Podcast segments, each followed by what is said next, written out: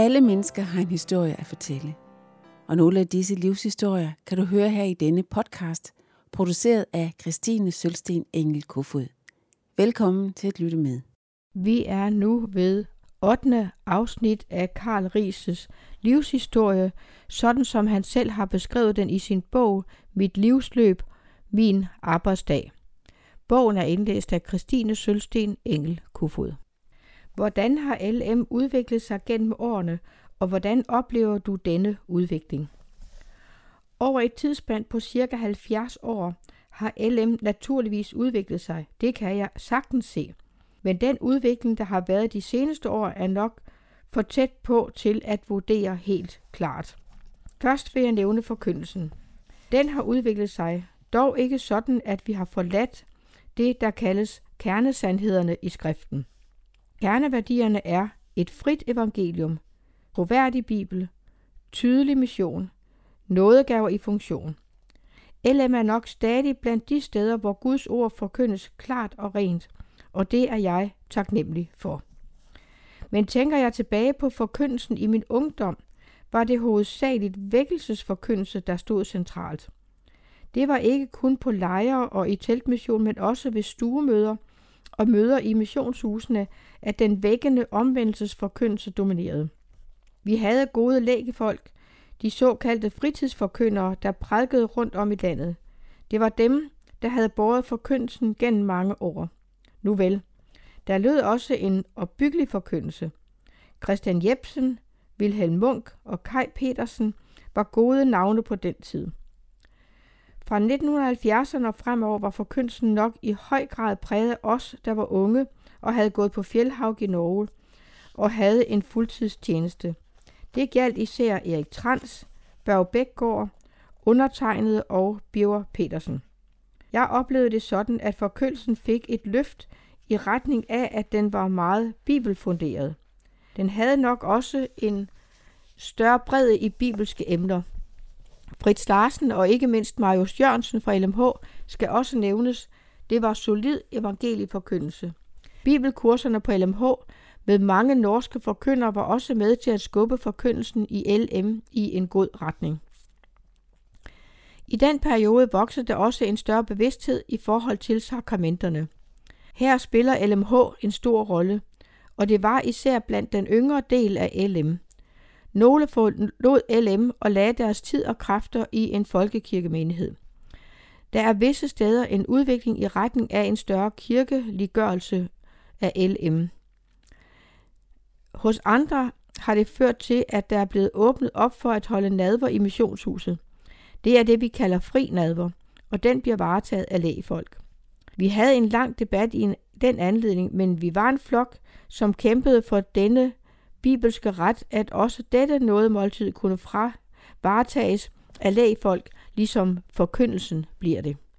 Strukturændringer Også på det strukturelle område i LM er der sket store ændringer. LM har bevæget sig væk fra forståelsen af at være en missionsforening hen til en større bevidsthed om at udgøre en menighed.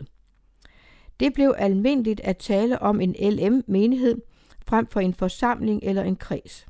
Især de seneste årtier har denne udvikling vundet frem.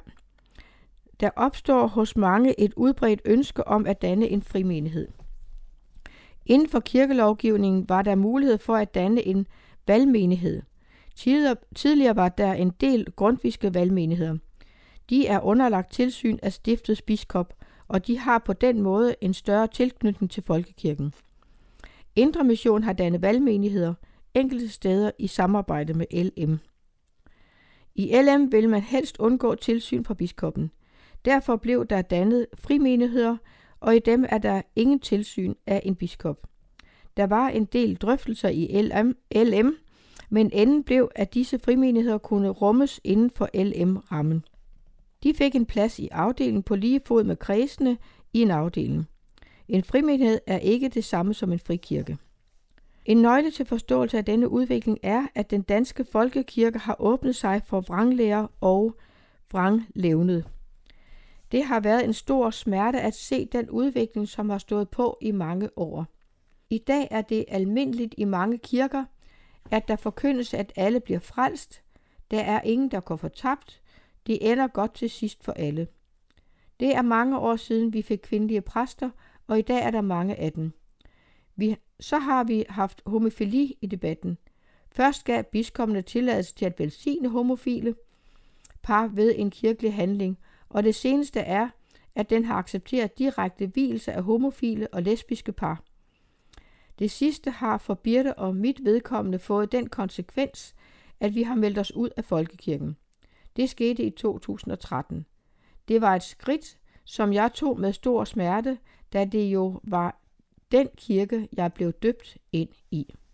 Den åndelige situation vil uden tvivl medføre, at der dannes flere frimenigheder.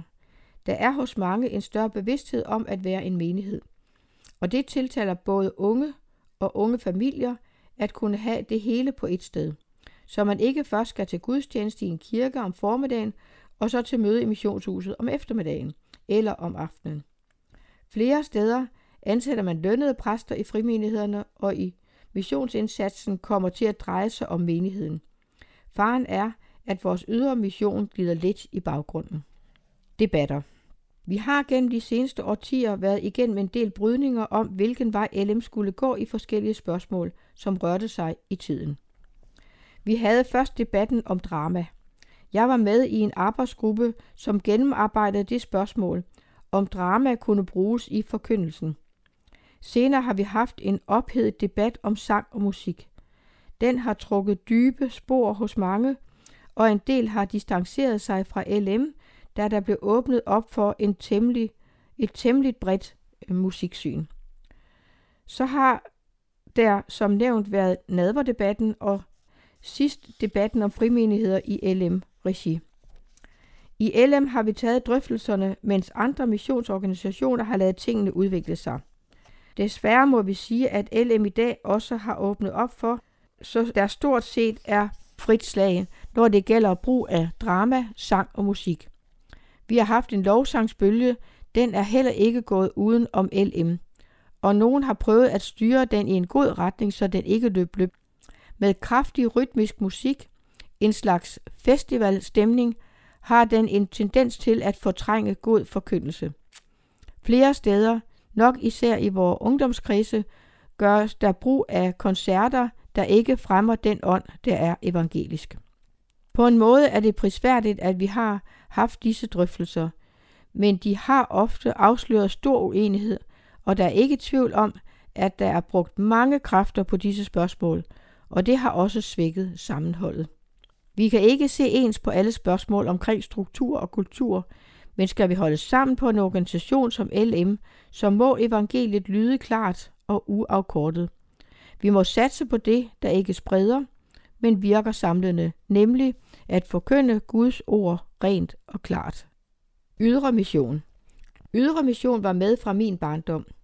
Kærlighed til mission både i Danmark og det, som var uden for landets grænser, mødte jeg gennem min mor og hendes familie. De var kendt med missionær Jens Michael Tøgersen Winter, som var missionær i Japan. Han blev udsendt fra Danmark, og planen var, at han skulle til Kina. Han rejste via USA, men da pengene slap op, kom han ikke længere end til Japan. Her blev han til sin død, og han fik udrettet en kæmpe pionerindsats. Han var myre og flittig, og en af de danskere, vi kan være stolte over. Missionær Vinter kom fra Vestjylland, men der var en forbindelse til Sønderjylland, da hans hustru Andrea Hansen var fra Ballum. Han blev støttet økonomisk fra Sønderjylland, og han var flittig til at skrive hjem om arbejdet, han stod i. Det blev trygt i missionsbladet, så man kunne følge med, både med bøn og med offergaver. Senere kom udsendelsen af Else og Nils Thyesen til Tabora i Tanzania. Nils sagde onkel til Dr. Winter. Med dem kom missionen meget tættere på. Det var i 1930 og 31, de rejste, og de blev der til 1946. I tiden under 2. verdenskrig måtte de blive i Tanzania. Else var fra Ballum, og Nils var fra Sønder Sejerslev, fra samme sovn som jeg. Nils Thyesens far, Thyge M. Thyesen, havde en købmandsgård i Sønder Sejerslev. De var missionsfolk, og jeg har været med min mor til møder der. Sommetider var der bortsalg til fordel for missionen. Der blev solgt hjemmestrikkede uldne strømmer på auktion, og nogle gange blev der også læst et brev op. Det var fra Else og Niels. I mine unge år brugte jeg den bibellæseplan, som LM's Ungdom udgav, og i den var der billeder af missionærerne. Når de var hjemme, kom de på møderejse, hvor de fortalte om mission, så jeg følte, jeg kendte dem. Søren og Johanne Ibsen kom ikke så tit, men Margrethe og Edvard Petersen, Ellen og Daniel Dirksen, Karin Petersen og Elisabeth Ørting har jeg hørt fortælle om arbejdet i Tanzania. I den tid havde LM ikke noget selvstændigt missionsarbejde derude, men vores missionærer arbejdede under Brødrekirkens mission. LM fik først sit eget missionsarbejde i Ulanga-området i Tanzania. De missionærer, der arbejdede der, følte jeg var vores missionærer.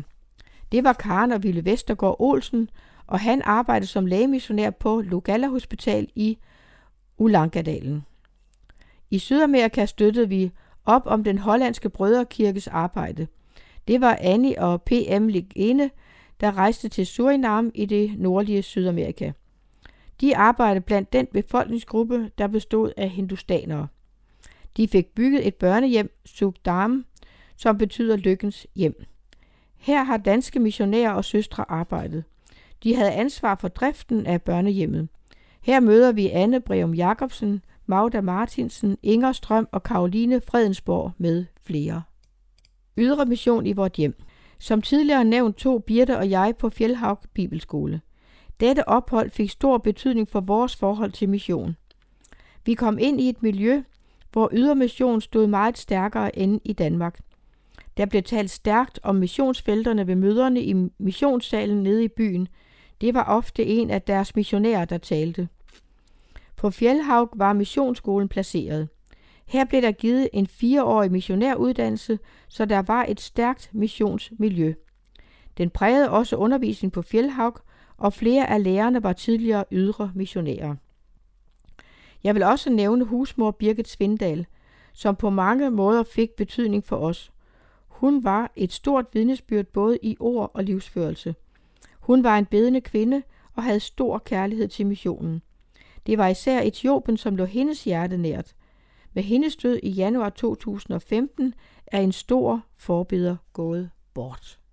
På Fjellhavn fik vi således en stor portion mission med os hjem.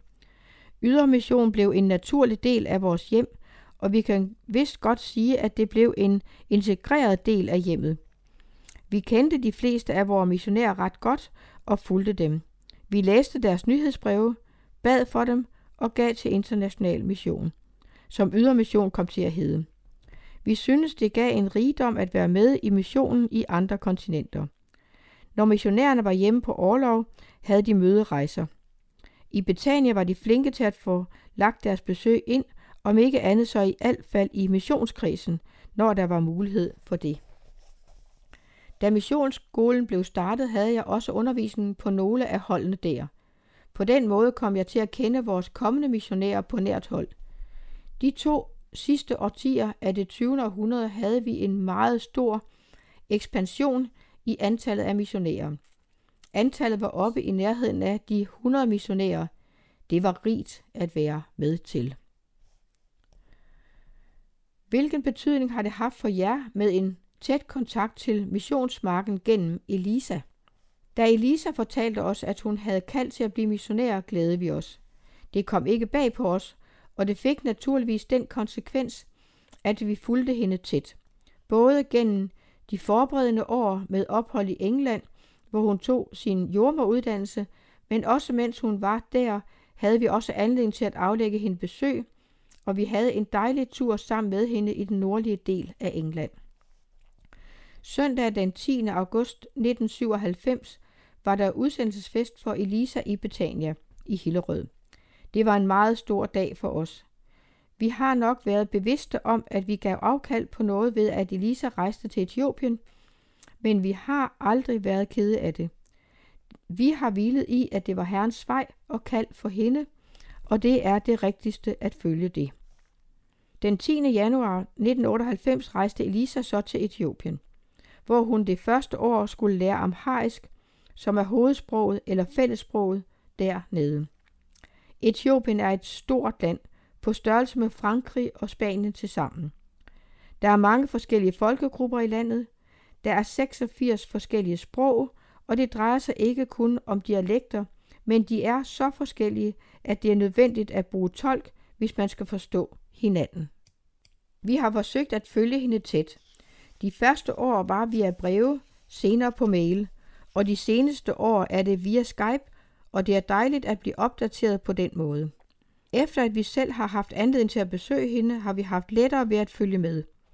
Nu ved vi, hvor stederne er, og vi har kørt turen fra Addis Ababa og ned over et par gange. Vi har kørt på gode, nyanlagte asfalterede veje, men også på meget hullede asfalterede veje. I forhold til dem er grusvejene langt bedre at køre på, og de er som regel jævne. Men længere sydpå kan vejene, især i regntiden, være meget hullede og ufremkommelige. Kommer vi sydpå i landet, er der mange steder, der ikke er broer, og vi må passere floder, men det går fint i en firehjuls trækker. Vores første besøg i Etiopien. Vi har haft den store glæde at aflægge Elisa besøg to gange. Første gang var i år 2000. Vi havde planlagt at holde jul sammen med hende i 1999 samt nytår. Som tidligere nævnt havde jeg fået overlov i december måned for at færdiggøre mine opgaver på skolen, inden vi skulle rejse, og jeg havde haft travlt. Det var her, jeg blev syg tre dage før vi skulle flyve. Turen måtte aflyses. Det var en kæmpe skuffelse for Elisa, men også for os, selvom vi havde nok at tænke på i forbindelse med min tilstand. Det var en lykke, at vi ikke var kommet afsted, og at jeg kunne blive indlagt på et dansk sygehus med den ekspertise, som vi har her. Efter 13 dages indlæggelse blev jeg udskrevet, men jeg var så træt og afkræftet, at jeg havde svært ved at gå det stykke vej, der var fra bilen og ind i huset på Højager. Efter tre måneder blev jeg opereret og fik galleblæren med indhold fjernet. Jeg kom mig så godt efter operationen, at vi var i stand til at rejse til Etiopien i skolernes sommerferie. På det tidspunkt arbejdede Elisa på hospitalet i Gidole. Elisa kom de godt 400 km til Addis Ababa for at hente os. Den første uge opholdt vi os der, og så kørte vi hele turen til Gidole. Det var en stor oplevelse at køre gennem byer og landsbyer, hvor folk gik ud og ind imellem bilerne. Vi så, hvordan deres hytter skiftede form fra stamme til stamme. Sjovt at se, hvor forskellige de var. Vi havde ophold ved Langano-søen, en yndet ferieplads, hvor man også kunne bade. Vi var der nogle få dage, inden turen gik videre. De næste uger opholdt vi os i Gedole. Elisa skulle arbejde, men hun havde sin hushjælp til at lave mad, så det gik fint. Vi nød dagene der. I Gedole mødte vi en overvældende gæstfrihed. Vi havde det privilegium, at vi næsten hver dag var på besøg i et hjem. Gidole var et af de første steder, hvor de norske missionærer kom til for over 50 år siden. Her var der mange kristne, og blandt dem havde Elisa mange venner, og de inviterede os til at besøge dem. Det var spændende, meget spændende at komme ind i deres hytter. På den tid var det et statussymbol at bygge et hus med zinktag. Det var et firkantet hus med lærklinede vægge. Væggen var lavet af et let træskelet tætnet med tika. Det er ler eller mudder med æltet tørret græs i. Væggene var blevet gjort tætte med det. Disse besøg i hjemmene var en særlig gave til os, og her så vi ind i etiopernes hverdag. Husene var ganske gode, og væggene indvendigt i huset kunne være dekoreret eller tapetseret med avispapir. Man kunne godt stå og læse gamle Kristi Dagblads udgivelser der. Jeg husker især et besøg hos en kvinde, som Elisa kendte godt. En dejlig kristen kvinde. Hun var gift med en lillebror til troldkvinden Sue, som også boede i Gedol dengang. Manden var på arbejde, og hun havde lavet den etiopiske nationalret Injera Wat til os. Birte og jeg sad på en lav bænk, og Elisa på lignende måde på en lav stol. Selv sad hun på en lav stol i sin vævede bomuldskjole. Den var ikke helt hvid længere. Selv spiste hun ikke med, som skik er. Elisa havde gjort os opmærksom på, at det ikke gjorde noget, hvis vi ikke spiste op. For den mad, som vi levnede, blev samlet sammen i et fad. Den fik børnene bagefter udenfor ved køkkenet. Og der var børn, for kvinden havde mistet en datter, som havde fire eller fem børn, og de børn boede nu alle hos bedsteforældrene. Hun havde sin amhariske bibel liggende slået op på salme 23. Den ville hun gerne læse for os. Det gjorde hun, og da hun var færdig, lagde hun bibelen ned i skødet, og så sagde hun med et stort smil, Jeg var heldig, for dengang jeg var en lille pige, var de første norske missionærer kommet til Gidole.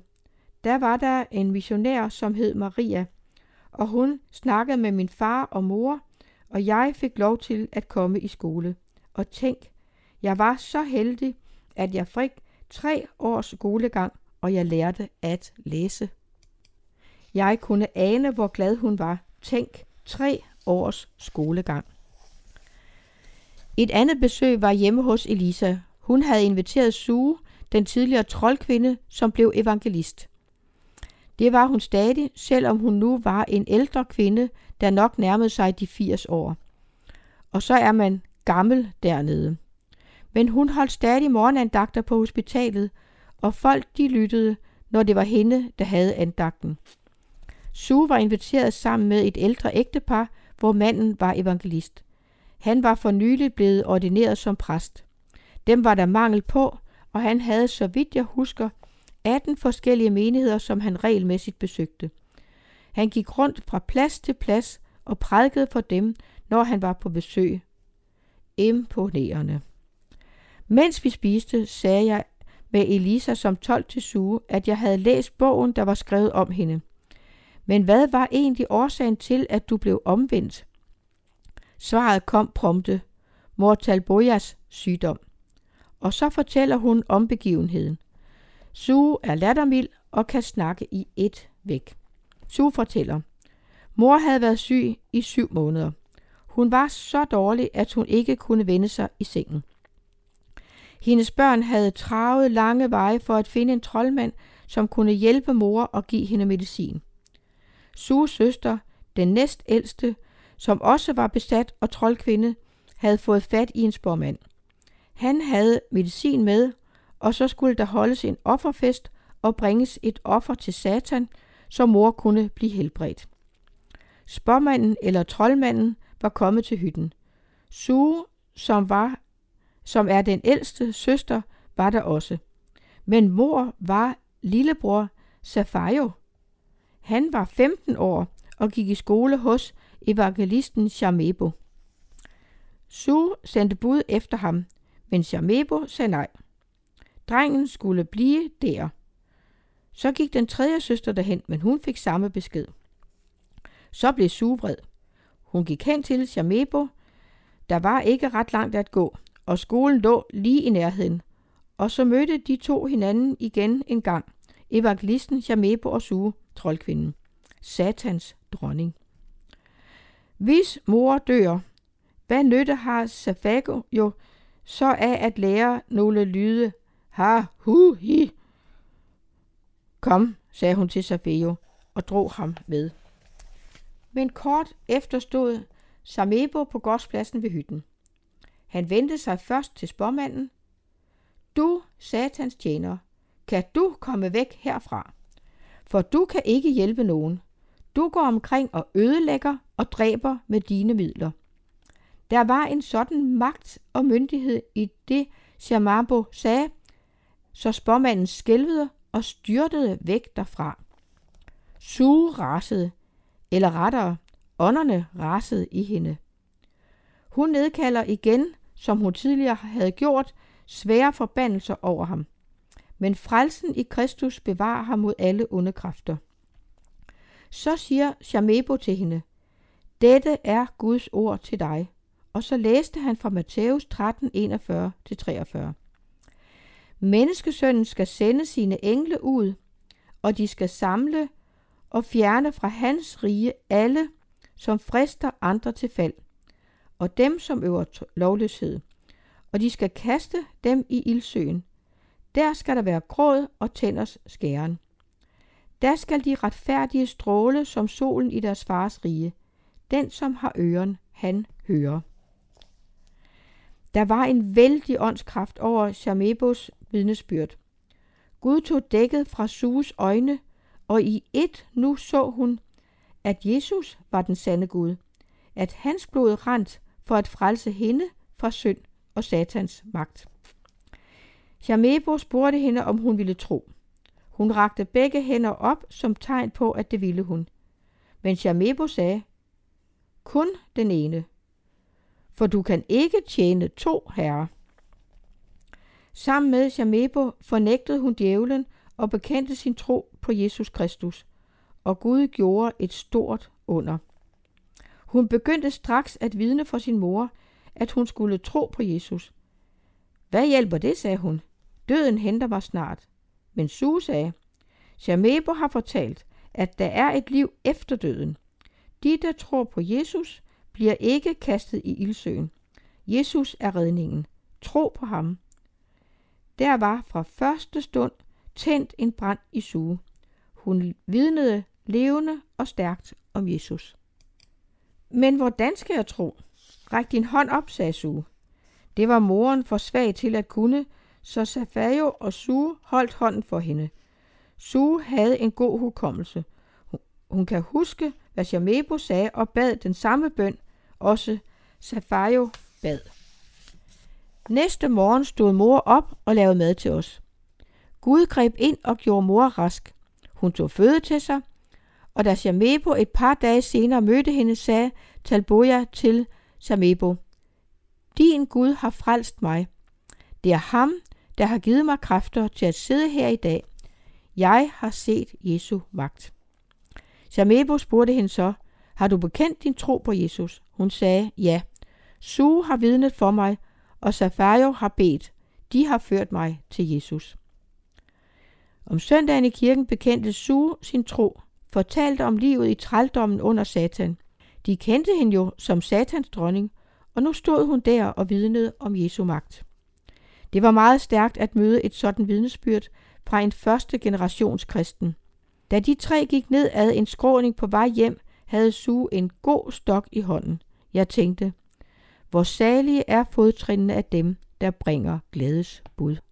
Vort andet besøg i Etiopien var planlagt fra den 9. december 2005 til den 11. januar 2006.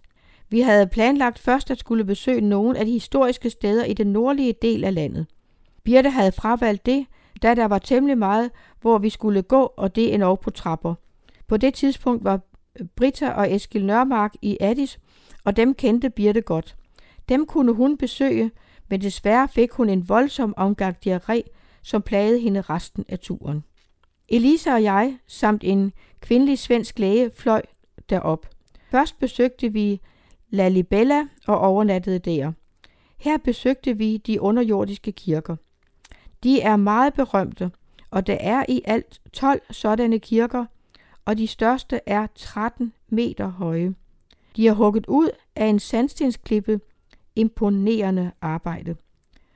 De var stadig i brug af den ortodoxe kirke, det vil sige den koptiske kirke. Der var præster i fuldt ornat og andre kirkesanger og hjælpere i gang i kirkerne. Vi så deres hellige bøger skrevet på gæs, et sprog, som kun præsterne forstår og kan læse. Vi fløj tilbage til Addis Ababa. Nu var vi alle samlet igen. De sidste indkøb blev gjort, inden vi kunne køre sydpå til Avassa, hvor missionens feriecenter ligger ned til Avassa sø. Vi så det genåbnede Tabor Seminarium og Bibelskolen, som er der. Under det kommunistiske regime var Mekane Jesus kirkens bygninger hvor Tabor beslaglagt, men nu igen tilbagegivet til denne evangelisk-lutherske kirke. Det er et meget vigtigt uddannelsessted med mange studerende. Miriam og Søren Skovgaard Sørensen arbejdede på et tidspunkt der, og Søren var bibelskolelærer. Vi besøgte også Sinabo og Vengalevit. Sinabo var bibelskolelærer på bibelskolen.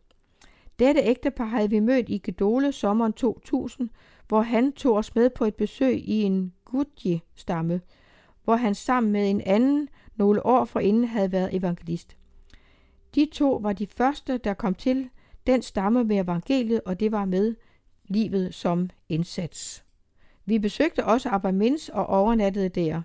På turen nedover gjorde vi holdt en del steder, blandt andet i en væverlandsby, hvor de vævede flotte ting og lavede hatte. Vi så på hyttebyggeri og besøgte en konsolandsby cirka 20 km vest for Konsoby. En fantastisk oplevelse.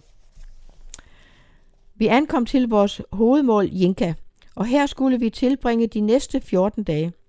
Det var her Elisa boede og havde sit arbejde. Den første søndag kørte vi til en lille, ny menighed, et sted, der hedder Senselet, cirka 17 km vest for Jinka. Kirken lå på en bjergside, hvor vi havde en smuk udsigt til et vidtstrakt terræn. Udover sletten lå der nye kirker, som var skudt op de seneste år og havde oplevet vækkelse. Kirken, vi skulle besøge, var også ny. Den havde bliktag og var firkantet. Der kunne være op til 120 mennesker til en gudstjeneste. Menigheden var cirka 5 år gammel og havde 60 nadverberettigede medlemmer. Det vil sige medlemmer, der var døbte og ikke var i kirketugt. Der lå en rund hytte ved siden af, vel cirka 10, vel cirka 6 meter i diameter. Det var deres første kirke, men den blev hurtigt for lille. Så byggede de en ny ved siden af. Besøget på det sted var specielt. Vi var med til gudstjenesten, og den blev betjent af to evangelister. Den ene arbejdede i området, den anden var tilrejsende. De havde ingen præst. Her fornemmede vi at være ude ved Guds riges grænser. I Jenka boede vi i gæstehuset og spiste hos Elisa. Hun var på arbejde, men havde hushjælp. Vi så naturligvis hospitalet og de hytter, hvor de gravide kvinder, der var i risikozonen, boede. Disse kvinder havde ved en graviditetsundersøgelse for at vide, at fødslen kunne være risikofyldt, og fik derfor tilbud om at flytte ind i hytten ved hospitalet og være der til fødslen var overstået. Det var ikke almindeligt, at så mange kvinder kunne være sammen uden mænd. De hyggede sig og havde meget at snakke med hinanden om. Vi var også på markedet i Jinka by. Her mødte vi kvinder fra den stamme, de såkaldte tallerkennæger kommer fra. De har et skønhedssymbol, det er en underlæbe, der har et hul på op til 10 cm i diameter. I hullet placerer de en skive af ler, en tallerken. En underlig skik. Vi var også på marked et stykke fra Jinka. Et stort marked med mange folk. Her var der kvinder, som kom fra Bana-stammen. De er kendt for deres traditionelle skinddragter og muslingekæder. Vi holdt jul hos Elisa og var sammen med Margit Dahl Sørensen, Jørdis og Jørgen og familien Kisserods. De var begge læger på hospitalet og havde tre piger på det tidspunkt. Jeg nåede også at overvære afslutningen på Bibelskolen i Jenka og fik en lov, til at holde den lille afskedsprædiken for dem. 12 elever i alt. De skulle nu spredes over et stort område som evangelister og menighedsledere. Elisa havde på et tidspunkt inviteret Gebre, Michael og hustru til at spise sammen med os. Han er hospitalsevangelist og bibelskolelærer, og han er en meget erfaren sjælesørger. Han har gennem årene ført mange til tro på Jesus. Han var 56 år dengang. Turen var en kæmpe oplevelse med et hav af indtryk. Det var ikke en traditionel turisttur, men vi så på nært hold glimt fra et af vores missionsfelter, og vi så, hvordan der skete en indhøstning af dyrebare menneskesjæle til Guds evige rige. Tænk, det har vi været med i. Sjælesorg. Sjælesorg er et godt gammelt ord. Det betyder omsorg for sjælene, det vil sige mennesker, som er skabt af Gud og skabt i hans billede. Og det betyder blandt andet, at vi er skabt til at tilhøre ham. Dette arbejde med at give hjælp til mennesker, som menneskeligt eller åndeligt har det svært i livet, det fik jeg tidligt lagt ind over mig. I lejarbejdet mellem unge var det mest et spørgsmål om at finde vej til frelse og få frelsesvidshed, men også andre spørgsmål, som havde med det at leve som kristen. Kristens sjælesorg har to former. Den ene er den, der øves fra en prædikestol. Al kristen forkyndelse må være båret af omsorg for sjælene. Mangler forkyndelsen det, fortjener den ikke navnet kristen. Når Jesus talte offentligt, var hans tale båret af omsorg. Selv i sine stridssamtaler øvede han omsorg for sine fjender. Men i en særstilling står Jesus samtaler med mennesker på Thomas hånd. Her har vi den anden form, den der øves på Thomas bag en lukket dør. Mange anser kun denne form for samtale for at være rigtig sjælesorg. Jeg har haft brug for sjælesorg selv og har erfaret velsignelsen i det. Jeg har modtaget undervisning og har selv studeret dette område. Et område, som er kæmpestort, fordi det ikke kun handler om at hjælpe mennesker til tro. Vi taler om troshjælp. Det er den hjælp, der så at sige ligger på det lodrette plan, nemlig i vores forhold til Gud. Så taler vi om livshjælp. Det er alt det, der ligger på det vandrette plan i menneskelivet, og det er kæmpe stort.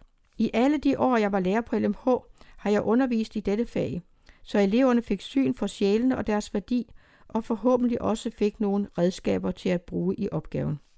Gennem årene har jeg også skrevet en del artikler. De artikler, der handler om sjælesorg, er hovedsageligt blevet bragt i LMH's elevblad Båndet. En del af vores hjem. Denne sag har fyldt ganske meget i vores hjem, noget som måske også har været på bekostning af nærvær og omsorg for vores børn. I hele min tjeneste har der været brug for sjælesorg. Fik forkyndelsen tag i mennesker, bliver der ofte brug for en mere personlig omsorg med samtale på tomaton. Det henter også, at nogen hellere ville aflægge et besøg i vores hjem. Efter ansættelsen på LMH blev det selvsagt på skolen blandt eleverne opgaverne lå. Gennem årene erfarede jeg, at omsorgen ofte var forbundet med menneskelige problemer. Kort før jeg begyndte på LMH, evaluerede jeg min egen, for min egen del de samtaler, jeg havde haft. Jeg blev overrasket over, at langt over halvdelen af dem ikke havde drejet sig om, om egentlig troshjælp, men i vidt omfang var psykiske problemer. Disse forhold har på en naturlig måde betydet, at Birte blev draget med ind i arbejdet. På det tidspunkt arbejdede hun i psykiatrien og havde derfor en god faglig indfaldsvinkel. Som årene gik, kom der også henvendelser om sjælsorg hos mennesker, der tro, boede et andet sted i landet.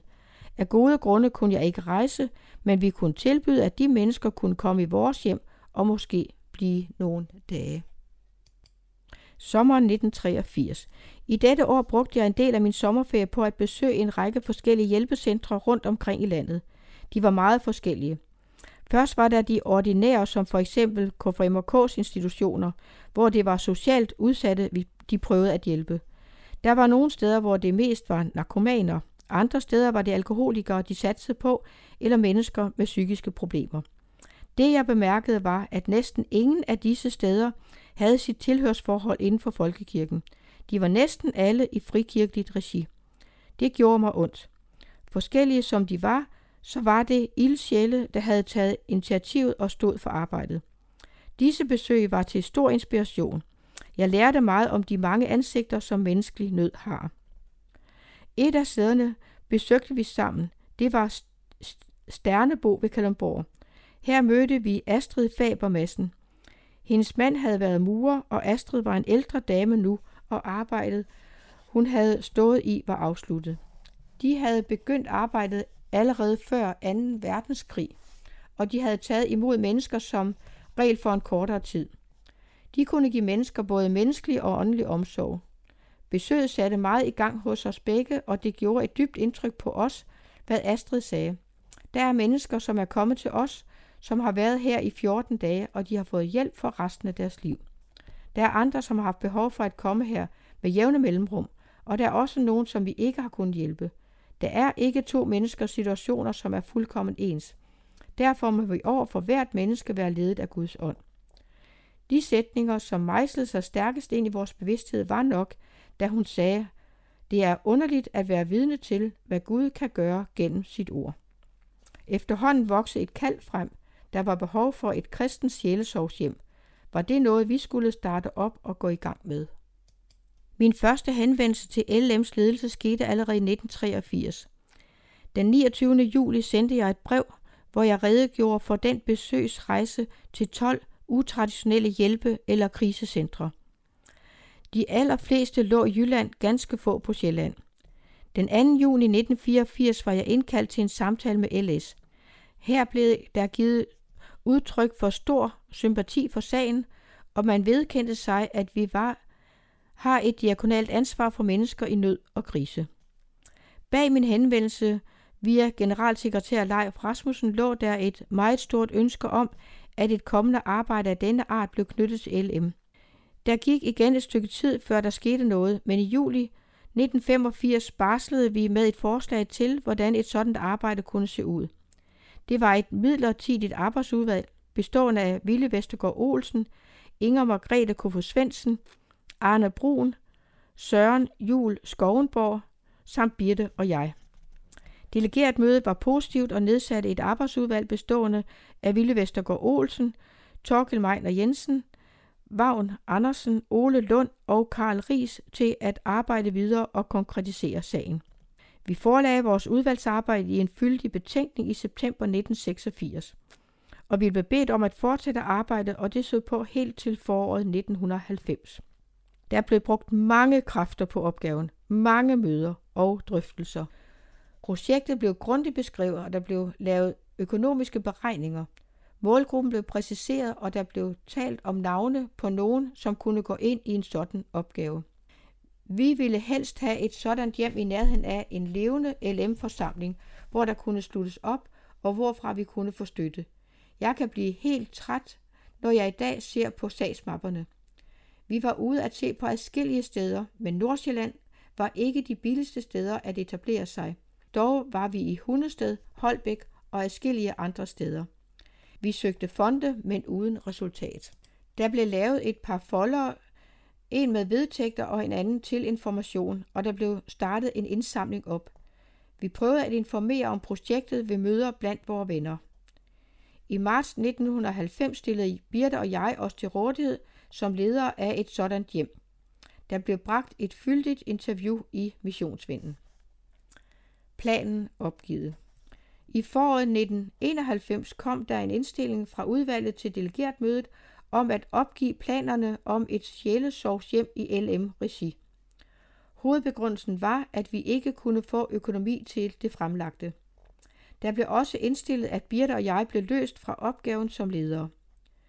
For mig personligt var det et kæmpe stort personligt nederlag.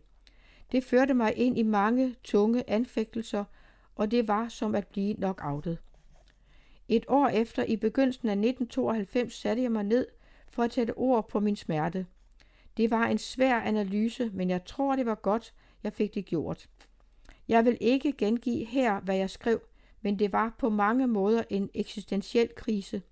Havde jeg taget fejl af det, jeg troede var Guds kald? Hvad så med alle de andre kald? Var de også fejltagelser? Skrivelsen hjalp mig til at kunne slippe sagen. Da jeg fortalte Hans Erik Nissen om dette resultat, sagde han, at så skulle jeg bare fortsætte på LMH.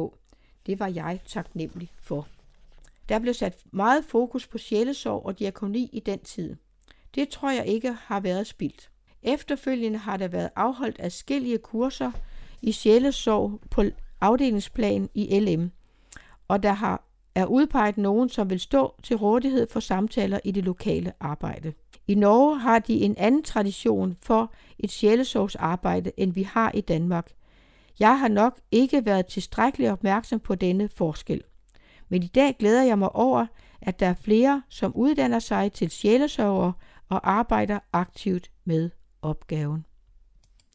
I efterskriftet skriver Karl Ries, Som ung lærte jeg en bøn. Herre min Gud, lad mig blive det, som jeg var i din tanke, da du skabte mig. Denne bøn har jeg bedt mange gange, og til slut vil jeg give den videre, for det er en god bøn. Og her vil vi slutte øh, Karl Rises livshistorie.